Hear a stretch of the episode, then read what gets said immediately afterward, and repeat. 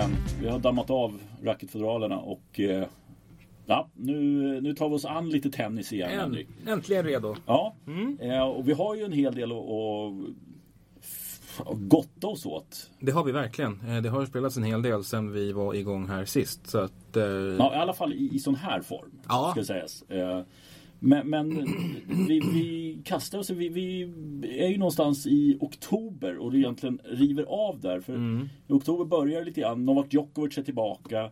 Åker och spelar i Kazakstan. Eh, hyfsade semifinalpar där med Rublev, Medvedev, Tsitsipas och, och Djokovic. Ja, för den turneringen blev ju liksom eh, allting som omgärdade restriktionerna i Kina verkligen en riktig lyckträff. Ja. Fick ta över den 500-licensen och fick till ett, ett eh, mulligt startfält. Alltså. Ja, ja men verkligen. Det, det, var, det var inte så jävla mysigt att titta på kan jag väl i ärlighetens namn säga. Det Nej. kändes väldigt... Eh, ja, ja, men det, man kan ju se när det är öststatsproduktion fortfarande än idag och det här var verkligen... eh, Och, och Kazakstan är väl någon slags gränsland in mot att vara liksom Rysslands totalitära också. Ja, men att precis. det är ju, det är ju ett, ett eh, halvdant land att att lira i. Ja men det, det är ju det. Eh, Novak kan i alla fall spela hem den turneringen vilket jag tror säkert var, var rätt viktigt och han var nog jävligt spelsugen också ska vi säga.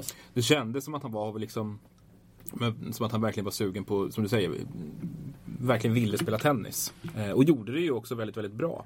Eh, kom ju från en, en eh, seger i Tel Aviv veckan innan också. Ja just det, fan, den gjorde jag den finalen kom jag på. Eh, där var ju fullkomligt överlägsen. Det var inget snack om Ja, det var ju inte riktigt samma klass på, startfältet. herregud, herregud. Men en bra startsträcka för honom att liksom tagga igång med en 2.50 och sen så få höja insatsen lite grann i en 500 veckan efter. Så att eh, även om det är på ställen där vi absolut inte är vana att se honom. Nej, nej men verkligen. Men det har ju sin naturliga förklaring med tanke på hur säsongen har blivit för honom. Ja men verkligen upphackad och eh, svår Ja. för honom.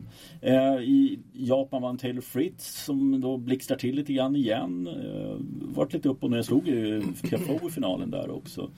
Eh, rullar vi vidare där så, så fick vi ju egentligen, här kanske vi ska stanna vid, vid den första spelare som hade rätt intressant höst i Micke Ymer Ja. som var i semi i, i Florens. Eh, någonting, eh, alltså det, det, det är en väldigt speciell säsong för Micke. Eh, startar, startar hela året positivt. Sen kommer de här sex eller sju raka förlusterna där på våren. Innan han får till en hygglig eh, form på gruset. Men så fort han kliver av gruset, som vi ju tycker är hans primära underlag egentligen, så är han fullständigt strålande. Spelar sin bästa tennis i karriären. Ja, och, och, men hade inte du, du hade ju siffror på, på hur bra det var också. Han spelar 31 matcher från det att han kliver av gruset där i, i eh, skarven juli, augusti. Och därifrån så är han, han vinner 21 av 31 matcher. Ja. Och under den tiden så slår han spelare som Jannik Sinner, han slår Diego Schwartzman, han, han gör massor med fina matcher. Det är semifinalplatser, det är kvartsfinalplatser. Ja, för den här Florens, det är ju den första egentligen av de fyra resultat som man faktiskt gör under Mm. hösten. Eh, och vi, vi kan väl beta av, nej det är inte den första, det är den andra om, man, om vi räknar in eh, Det är den tredje, herregud. Ja, men det, första, det första fina insatsen är ju egentligen hans första hardcourt-turnering där efter sommaren. Just det, i Washington. i Washington och den kommer ju lite grann från ingenstans. Han eh, kommer precis från två rak, tre raka torsk då.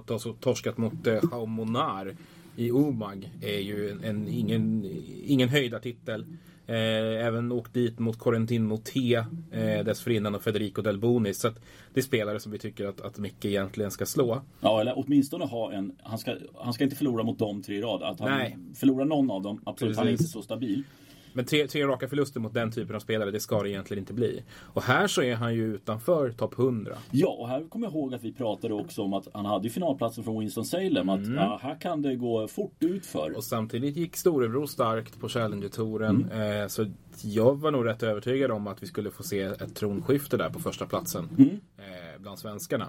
Men så har det absolut inte blivit. Ehm, och det är ju den här Washington eh, eh, semifinalplatsen som ju är starten på det hela. Och det är bra segrar han tar där. Ja, I, i, i um, tur och ordning Andy Murray, Aslan Karatsev, Emil Rosovori och Sebastian Korda. Och sen Ja. en bra match mot Nick Kyrgios också. Ja, ja men det, det- det går, alltså det är ju... Ja, den, den måste han ju nästan ta med väldigt långt in i huvudet för att liksom visa och, just det här att han kan slå bra spelare utöver då Sinner och Schwarzman. Men att här gör han det ju faktiskt i rad så att säga. Ja. Det, det, är, det är bra kompetent motstånd. Han är här i underläge i varje match. Ja. Eh, vilket kanske emellanåt också passar honom bra att slå i underläge, slå i under, ur underläge.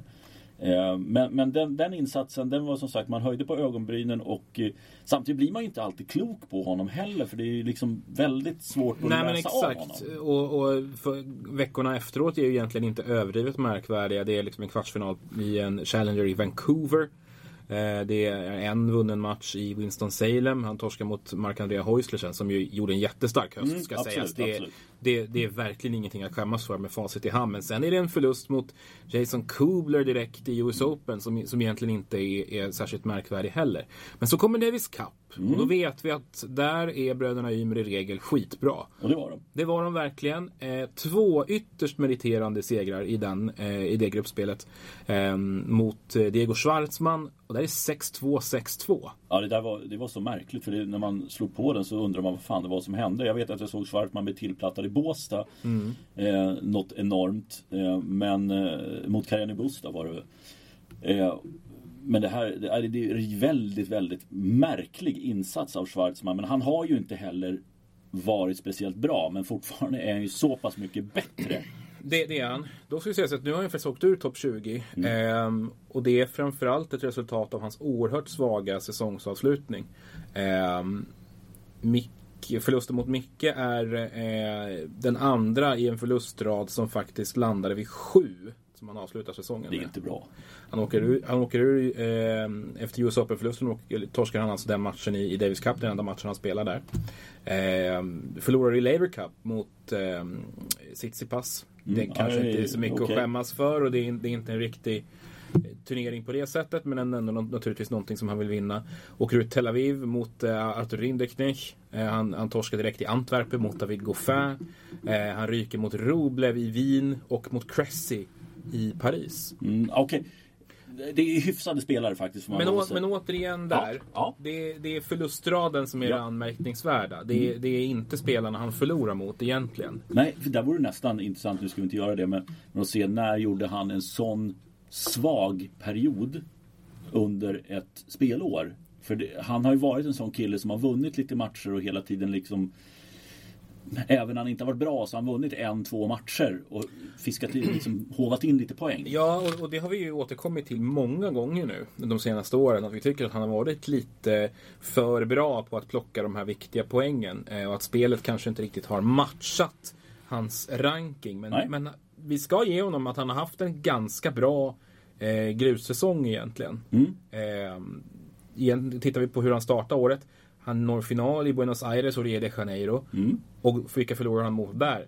Kasper Rud och Carlos Alcaraz. De två bästa grusspelarna tillsammans med Rafael Nadal i år. Ja.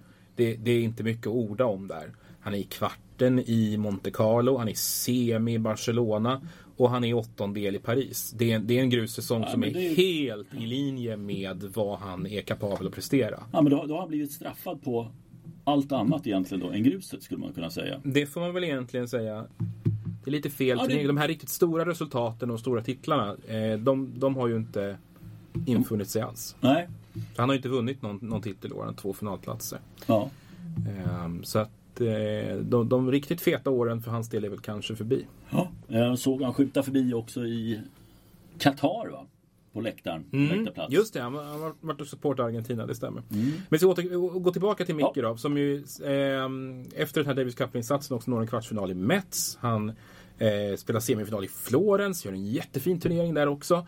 Eh, tar, där vinner han ju verkligen matcher som han ska vinna. Kvalar in och når hela vägen fram till semi när han torskar mot den, den karismatiske JJ Wolf. Mm. Som vi gillar. Torens Ja. enda hockeyfrilla.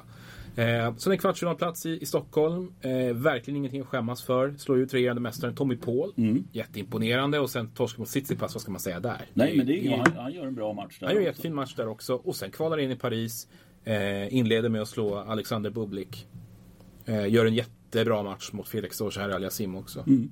Nej, men det, det, och det är verkligen eh, kul att han får gå in i en sån och, och också där med, med tanke på den pressen han hade i augusti att sen då få inte bara ett resultat med sig utan han får några till.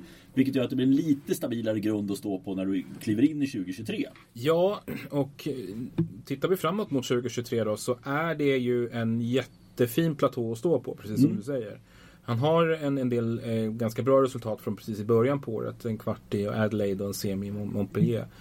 Men, men eh, under våren och tidig sommar där så har han ju faktiskt ordentliga möjligheter att liksom börja närma sig topp 50.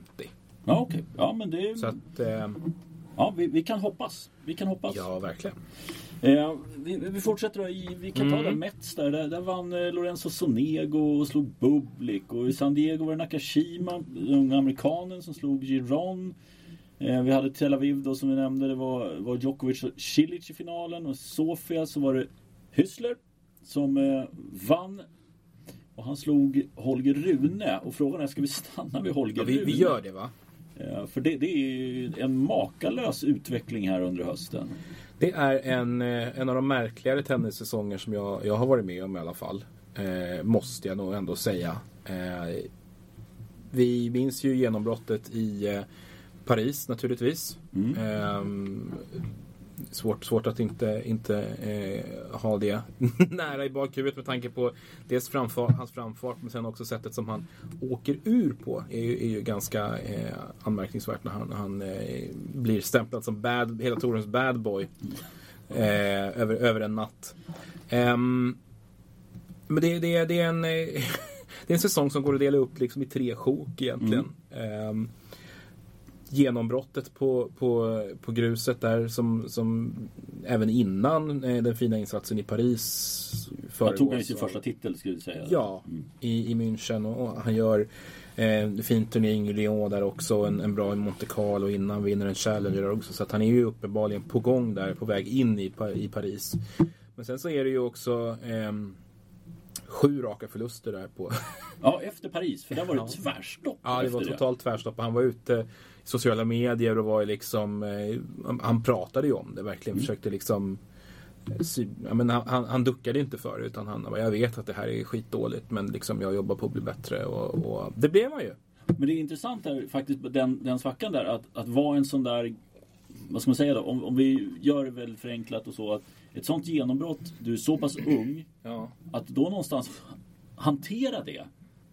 Och det klarar inte av just då. Men samtidigt just att prata om det öppet också. Att inte vara att allt är fantastiskt och, och, och inga bortförklaringar heller. Utan han måste jobba för att bli bättre. Och det, det tycker jag är en väldigt mogen inställning. Eh, för jag har ju svårt att se att han kommer hamna i ett sånt läge nästa gång han är långt framme i en slam. Nej men nu har han ju gått på den där minan och Mm. vet ju lite grann vad det innebär. Dels, dels med all den här uppmärksamheten och att pressen skruvas upp och förväntningarna lika så. Det är han ju medveten om och sen också kan han ju bära med sig att han har faktiskt liksom kravlat sig ur den här tunga svackan på ett bra sätt. Mm. Det här är ju, är ju ett vanligt fenomen liksom bland, bland tidiga genombrottsmän. Framför allt på damsidan. Mm. Men där blir man ju också påpassad på ett sätt i och med att det är, en, det är liksom en tour som hela tiden letar efter en ny världsstjärna. Liksom. Det finns ju ett enormt vakuum. Famlar. Famlar är väl kanske, kanske rätt, rätt ord. Liksom. Vi har fått se vad som har hänt med Raducanu till exempel Mm. och, och Bouchard och flera andra. Liksom, så fort det är någon som presterar ett resultat, ser någorlunda bra ut och, och kommer från ett, ett land i väst. Då, då, är det, då kastar sig folk över den här spelaren. Rune har väl kanske inte riktigt Folk har inte varit, nog inte varit på honom i samma utsträckning. Nej. Men, men det medför ju såklart en hel del press. Och jag, det här om något är väl ett tydligt tecken på att han är att räkna med inför nästa år. För vilken höst han har. Ja, ja men Go ahead. Nej men US Open först då, eh, en tredje runda. Ett fall framåt. Han får ju hjälp av att Isner lämnar VO i, i andra rundan där. Um, men sen så har vi ju en, en finalplats i, i Sofia där Mark-Andrea Häusler vinner sin första titel för säsongen. Grattis till honom. Uh, segern i Stockholm Open. Där han ju eh, spelar bort Norrie, Deminar och Tsitsipas i de tre sista matcherna. Det är en bra resultatrad. Ja. Och sen Basel på det. Skruvar upp där och når en finalplats. Eh, där han till slut eh, förlorar mot Felix Auger Aliassime. Så att det är också en imponerande insats. Och så titeln i Paris. Och en otrolig finalmatch mot Novak Djokovic. Ja. Det är Ja. ju en av årets bästa matcher. Ja men det alltså, ja, den, den var ju häftig på det sättet att Djokovic som liksom är som vi var inne på lite i inledningen, att han, han ville ju visa den här hösten att räkna inte bort mig för Nej. att jag är här fortfarande. Eh, och då ändå vinna i en så pass tight match då man också tänker att när det kommer, när det drar ihop sig så mycket så lyfter sig Djokovic lite, lite till. Och Rune gör liksom en felbedömning och där så nyper han till. Ja. Men det blir inte så. Nej, det är verkligen inte så. Ehm, och, och jag tycker att det var någonting över... Jag tycker att Rune tar sig an den här matchen på ett så jäkla imponerande sätt. Det finns en sån smartness i, i, i liksom hela hans approach mot Djokovics spel. Ehm, han tvingar Djokovic, tycker jag, ofta till grejer som han inte gillar. Han får honom att slå de här dumma stoppbollarna som han egentligen inte är särskilt bra på. Tvingar honom att slå över huvudet. Eller han, han är bra på dem när han är i kontroll. Ja, men när han inte riktigt vet vad han ska göra Nej. med dem. Eh, han, han har ju tendens att slå dem i fel läge. Ja. Och det känner han att han, han behöver göra. Och han tvingar ju honom att slå över huvudet. Det är Mm. också någonting som Alcaraz har varit väldigt bra på mot Djokovic. Ja. Och, och, eller är bra på rent generellt. Och, och som Djokovic inte gillar. Det här, det här för att behöva spela över huvudet. Ehm, och sen så är han ju defensivt björnstark. Det var ju Mm. några dueller där som är liksom bland det värsta jag sett i år. Eh, som, som han hämtar upp poäng på ett helt makalöst sätt. Det, det är otroliga slagväxlingar i den matchen. Den har jag kommit tillbaka till flera gånger och, och liksom sett om just för att den är, ja, det, är, det är en otroligt härlig match. Eh, räddar 10 av 12 breakmöjligheter i den matchen också. Det, det är en, eh, en otroligt bra insats. Det är nog hans bästa match i karriären, det måste man nog ändå säga. Mm. Nej, men det, där, det där ska bli... Vi, vi kommer att återkomma till honom när vi summerar eh, rankingåret här. Eh, Men som sagt, väldigt ro- roligt med Holger Runes framfart. Eh, Har väl inte borstat bort riktigt där. Wawrinka var väl på honom också? Efter, Ja, han kallar väl Ja. honom en jäkla snorunge Ja. i stort sett. Eh, att han borde lära sig lite hyfs, Ja. typ. Eh, och jag, ja, jag, jag, jag, jag gillar det. Jag tycker det är roligt. Ja, ja, men det finns ju någonting där. Eh, snabbt då, Nishioka vinner i Seoul. Det skiter vi. Vi har avhandlat dem. Eh, och Gerard Yassim vinner igen. Vann mot JJ Wolf i, i Florens som vi nämnde. Ja, och där kan vi verkligen prata om någon som har besegrat sin finalfrossa. Ja, Eh, gick ju in i den här eh, säsongen med hur många finalförluster kan det ha var varit 07 eller? Ja, jag tror han hade 07 och 08. Vi var nästan uppe på Benetton-nivå. Det kändes ju en bit in i säsongen som att det, det kommer aldrig att... Det kommer aldrig Nej, det här att kommer, det här kommer inte gå. Eh, men, men det gör ju det till slut. Han, han inleder ju året med att ehm, eh, Dels så, så, så är, går han ju se, vinner han ju ATP Cup. Men, men han eh, bryter ju den här förbannelsen redan i Rotterdam i, i februari mot, mot Tsitsipas. Lite signifikativt för Tsitsipas 08 år var han också. faktiskt. 08. Eh, ganska bedrövligt. Men ehm, fem titlar i år. Är Han bryter ju verkligen ja, den fyra trend- titlar. Ja, fyra titlar. Titlar. förlåt, då räknar jag nog med eh, Cup där. Men fyra, fyra, fyra titlar som han, han grejar på egen hand. Så han bryter ju den här trista trenden med eftertryck och hösten han har. Det är tre, tre vinster i, eh, i oktober. Ja, Florens, Antwerpen och eh, Basel. Mm. Så att eh, vi har ju varit inne lite grann på eh, honom när vi, när, vi, när vi har avhandlat honom att han är eh, eh, ja, om han saknar något så är det lite edge, lite liksom killer instinct. Snyggt spelar han. Oerhört välskolat, liksom väljer rätt slag i alla lägen. Rör sig väldigt fint. Måste. Otroligt bra. Han är ju liksom urtypen för den typen av spelare som har kommit fram de sista åren. Han är stor, men har liksom total kroppskontroll. Och, och liksom begränsas inte i, i, i rörligheten av sin storlek överhuvudtaget. Eh, jag vet inte vad du säger. Är, är han liksom... Är han eh, en lite mer av en avslutare? Ja, kanske det. Eh, jag, jag, har- det, jag har för mest fastnat för just det att, att de har hängt kvar där, Tony Nadal också när det gick som tyngst. För de här, brukar, ju- de här yngre har ju inte heller det tålamodet med någonting under en längre period. Utan de tänkte att här kommer de bryta och, och, och gå isär. Men de har ju hållit ihop tillsammans. Eh, och det tror jag är en sak som faktiskt har gynnat honom. Och just att de har jobbat på och till slut så kommer det. Och nu börjar han på en helt annan... Efter den första titeln, han torskade den efter, nu förlorade han den finalen mot Rublev ska sägas eh, efter Rotterdam. Men just att jobba på och liksom inte inleda säsongen med det spöket som har funnits där tidigare. Han är fortfarande ung, absolut. Men så många finaler som han hade varit i. Att nu liksom komma loss och veta att ja, men jag, kan, jag kan det här. Jag kan det här och jag, jag kommer vara där uppe. Eh, så att eh, ja, det, är mest den grejen jag har eh, snöat in på höll jag på att säga. Att de, att de har hållit ihop samarbetet. Så vitt jag vet i alla fall. Ehm, 60 matchvinster då. Det är bra. Det är helt okej. Men eh, det måste, men som du säger, det måste ju betyda enormt att, att ha Tony Nadal snett bakom sig hela tiden och ha hans liksom vote of confidence. Att, Mm. För han tror ju uppenbarligen på, på det han gör. Exakt. Han tror på det han gör. Alltså båda två tror ju på det här. Ja. Och, och det är det jag tror också. Tony Nadal hade ju inte ens tagit sig Han an hade, det. han hade inte bemödat sig om han inte såg någonting. Nej. Och här snackar vi ändå en man som, som kan benämnas som en av världens absolut bästa tennistränare genom tiderna. Mm. Och, och bara, bara att ha det med sig hela tiden, att liksom, Mm. när man känner någon form av självtvivel, att liksom, men, men jag tror på dig. Mm. Och jag har sett ett och annat. Liksom. Jag vet. Mm. Du är bra. Du, jag vet vad du kan. Jag har sett vad du kan. Liksom. Mm. Så Nej. kör nu. Det, det måste ju vara, det måste vara enormt betydelsefullt för honom. Ja, ja men verkligen. Eh, vi studsar vidare mot, mot eh, Stockholm där vi har vi nämnt Holger Rune slog Tsitsipas. Eh, en Tsitsipas som kom dit med huvudet högt som man brukar göra. eh, Lagom arrogant som vanligt. Eh, blev, lite, jag tror han blev lite förvånad över att han förlorade finalen också där. Jag trodde att han det här var det, han skulle spela hem en titel här för att liksom vara på gång i, alltså nu, nu blir det finalplats så det är inte det. Men lite intressant ändå, nu eh, ska jag faktiskt flika in där med Holger Rune.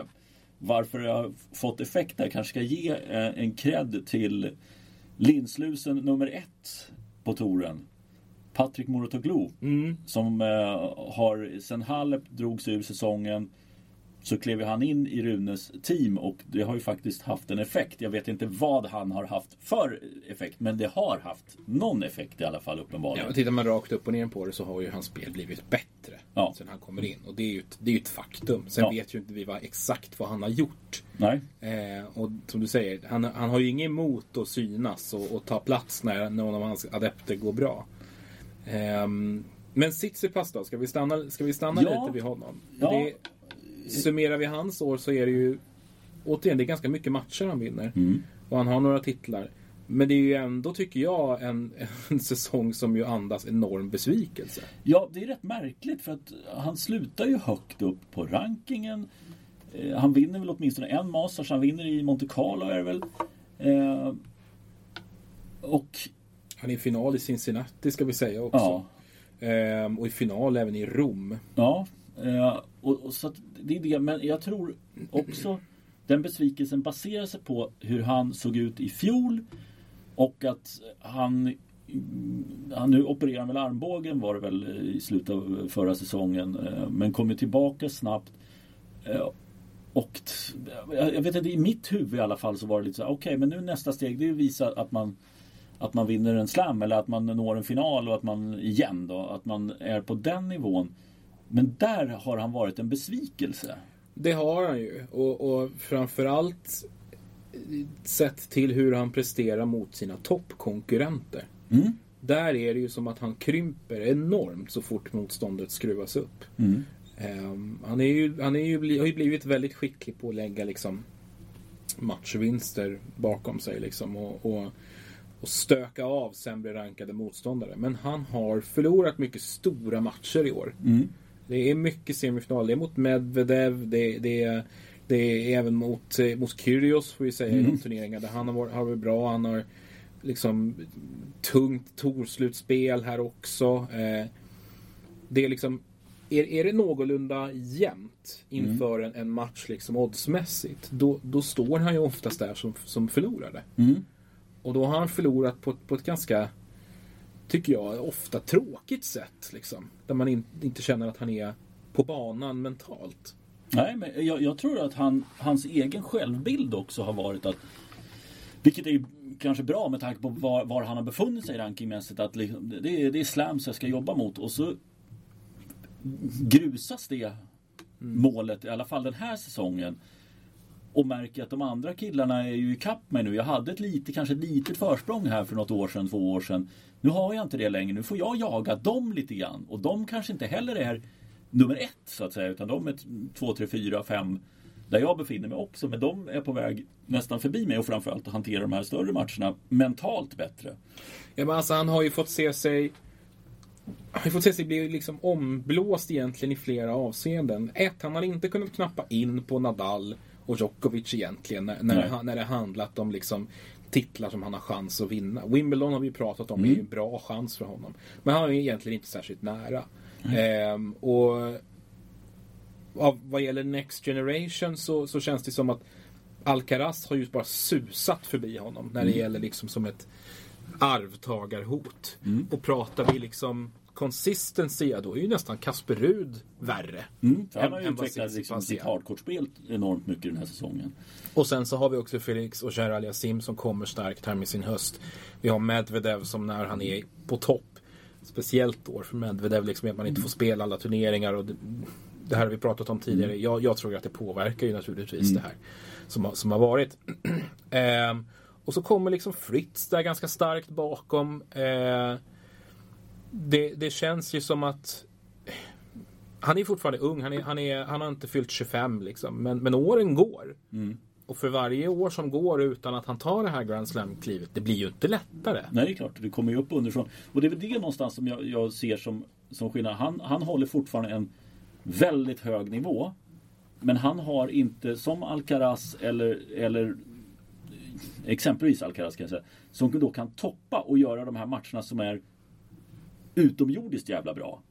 Eh, och det, det hittar inte Tsitsipas. Och en annan sak han inte heller har. Jag upplever att han har inte tryggheten runt omkring sig. Nej, möjligt. Han har inte liksom, stabiliteten i ett team. Liksom, vi pratade om Moshe Sim alldeles mm. nyss. Och Tony Nadal står där liksom trygg, lugn. Vi, vi, vi har ju liksom Djokovic som alltid haft Marian Vaida hos sig mm. liksom, och, och, alltid kunnat luta sig mot. Carlos Alcaraz har ju eh, Ferrero, Ferrero mm. som ju måste kännas som en enorm trygghet. Det verkar ju som att det samarbetet har funkat hur bra som helst. Eh, så att nästan alla de här har ju liksom har ju någon att luta sig mot och liksom mm. en, en, trygghet att landa i och någon som kan tror jag ta dem i örat om, om de tycker att liksom, om någon går över gränsen eller inte gör något bra. Tsitsipas beter sig ju bara illa mot dem han har i sin närhet egentligen. Mm.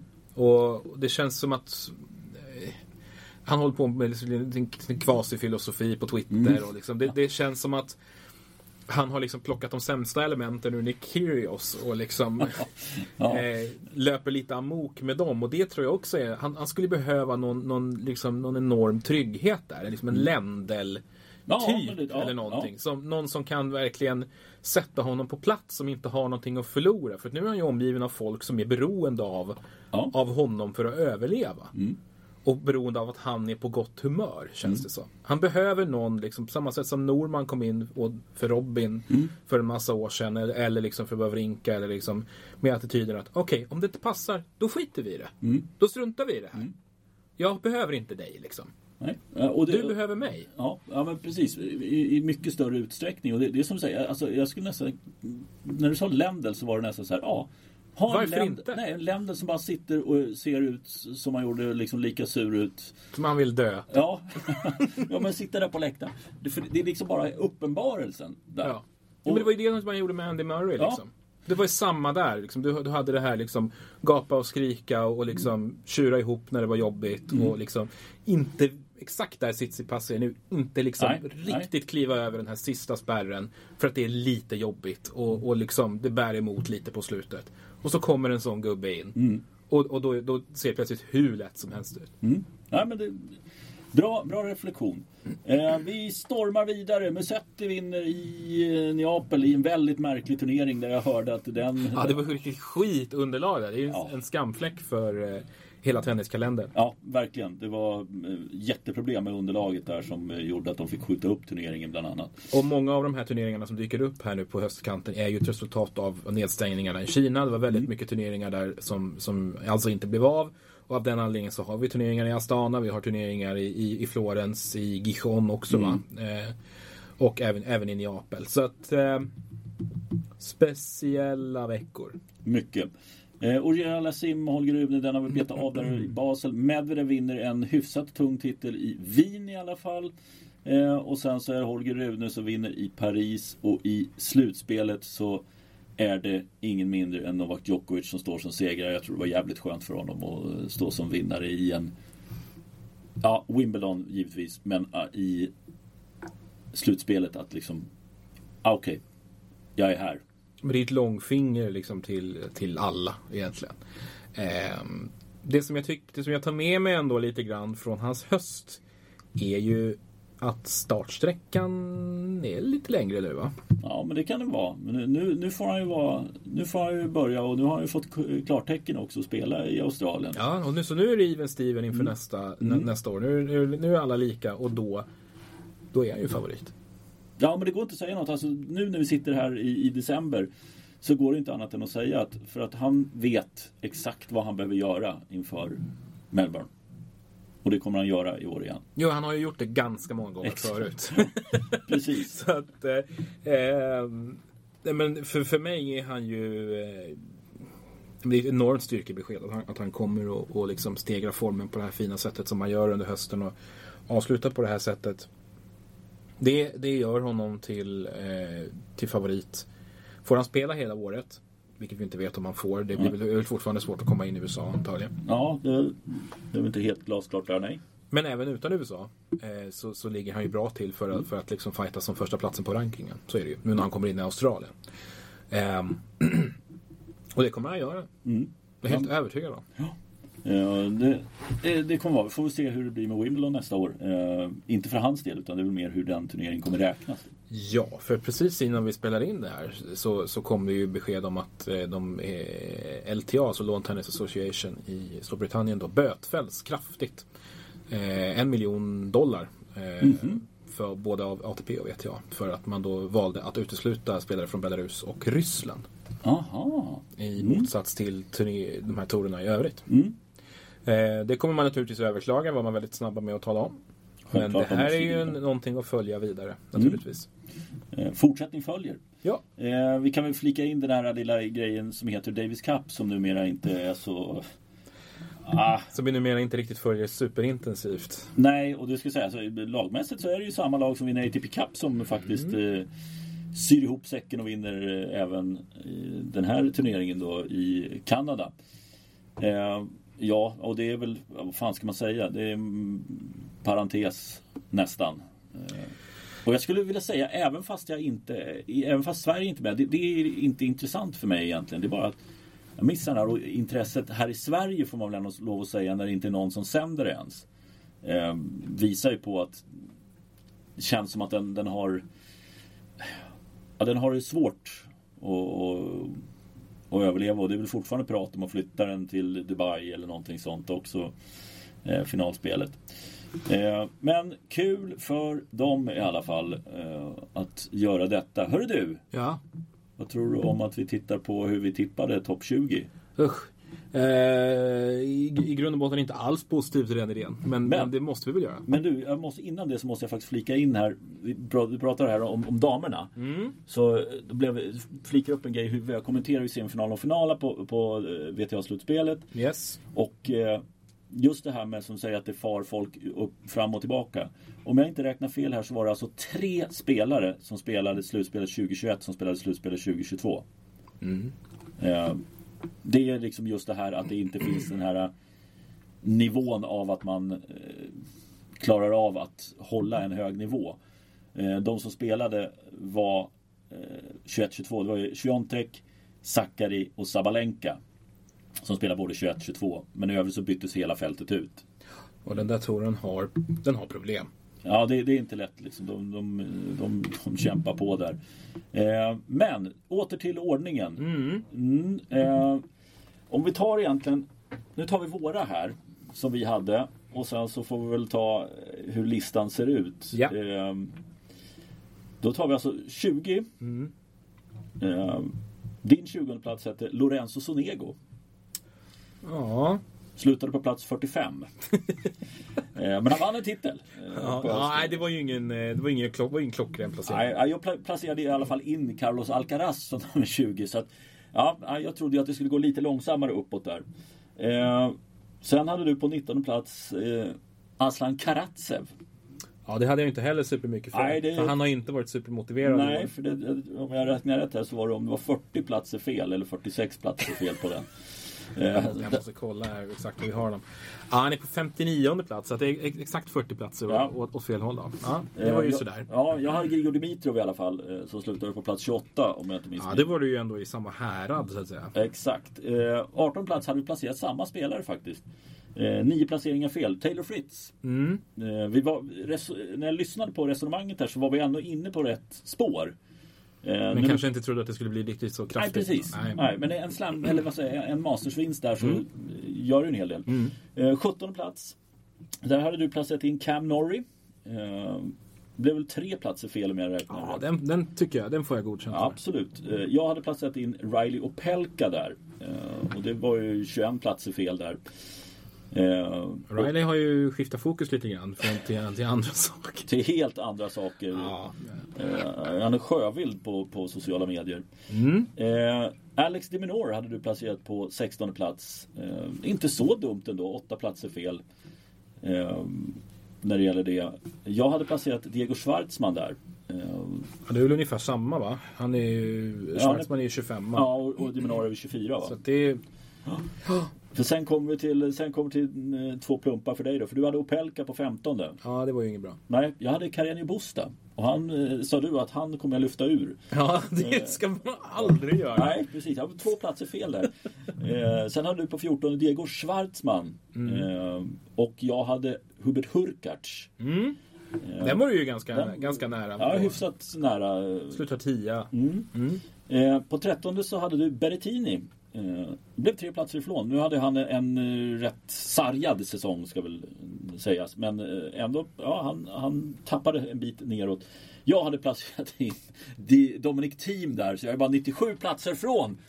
Ja, det är ju, det är ju segt, men, men eh, han kommer ju tillbaka. Det har Ja. vi ju ändå fått se här under hösten. Ja, det, har- det har ju kommit liksom, i alla fall lite av det man, man såg honom. Men det var ju en chansning då. Eh, Du resonerade helt rätt i den. Eh, På tolfte plats, där hade du faktiskt placerat Carlos Alcaraz. Så du var ju mycket närmare i din tippning än vad jag var när det gäller den saken. Eh, Jag hade Roberto Bautista Agut på tolfte. Slutar 21 om jag Ja, han fel. ra, rasade ur topp 20 första gången på ganska länge då. Här kommer din Hurkacz på plats 11, så du var bara en ifrån där. Ah. Eh, Och jag placerade in Cam Norrie. Ja, då var ju bara tre frå- ifrån på honom. Så det är också fullt godkänt. Eh, nu kommer topp 10 då.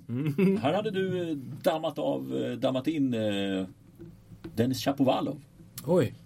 Så var åtta platser fel på honom. Ja. lyckades få in han, han var ju, lyckades Precis, klättra in topp 20 men Ja. han har ju varit bedrövlig i stora delar av året. Precis. Eh, och jag hade Kasper Rud på tionde plats. Eh, sen hade vi båda på plats 9 Felix Auger Aliasim. Ja, och Felix blev sexa. Mm. Så att det får ju också betecknas som ganska okej gissat. Här kommer faktiskt till en som den enda som hade helt rätt. Och det är ju jag. Jag hade placerat Rublev på åttonde plats. Du Snyggt. hade eh, Kasper Rud där på, på den. Och du hade Ru, Rublev som sjua. Så det var- det var inte fy skam där. Jag hade Jannik Sinner som sjua. Eh, på sjätte plats så hade du placerat Nadal. Eh, slutade fyra platser eh, bättre. Jag hade Berrettini på sjätte plats. Och eh, femte plats så hade du... Nej fan, det är en till som har rätt där. Sinner hade du på femte plats. Han slutade på femtonde va? Ja, det är ju... Det var ju, det var ju en bom. Eh, ja, jag hade Tsitsipas där på, på femte plats. Eh, och det var ju jättebra tyckte jag. Ända tills jag såg till plats fyra där du hade placerat in Tsitsipas. Eh, och där hade jag placerat in Nadal. Eh, på tredje plats så hade du placerat in Medvedev. Jag hade Djokovic. Men det blev sjua. Ja, och där hade vi egentligen bara omvänt där på andra plats. Du hade Djokovic som tvåa, jag hade Medvedev som tvåa. Eh, och sen som etta hade vi faktiskt samma spelare. Men det sket sig efter Franska öppna. Det gjorde ju det. Alexander Zverev eh, fick i stort sett stänga ner säsongen där. Mm. Eh, Så, det var, så det var inte så jävla pjåkigt. Eh, De vi bommade på topp 20 i alla fall som eh, Jag bommade, jag hade fem fel på topp 20. Eh, Du hade fyra. Eh, Det var Holger Rune eh, och sen Marit Cilic vaknade till liv. Eh, Jag missade även Chapovalov men sen även Tiafoe och Karen Kachanov. Som också smög in där topp 20. Jag vill minnas att jag hade TFO bara precis utanför Mm. någonstans där 24 eller 22 eller något sånt där tror jag att jag hade satt honom Mm. inför. Så han, var, han var med i tankarna. Det var inte Cilic kan jag säga. Nej, samma här. Det, verkligen inte. Utan det, det är en, ja, men får man lov att säga, en positiv överraskning. För han har ändå gjort det bra under den här säsongen. Det har han verkligen gjort. Slutvarvet men eh, jätte, jättefin inspirerande säsong av honom. Mm. Eh, är vi nöjda med det här eller? Jag tror det. Eh, nya tag med den där listan då nästa år. Ja, men det, ska redan börja, ja, det här börja knåpa på vad jag tror. Ja då, det, vi brukar väl hålla den till eh, veckan innan så vi får första veckans spel. Va? Mm. Men, eh, ja, men det, det, vi, vi stänger den här 22-säsongen Ja, här. det gör vi. Ja, tack så mycket. Tack!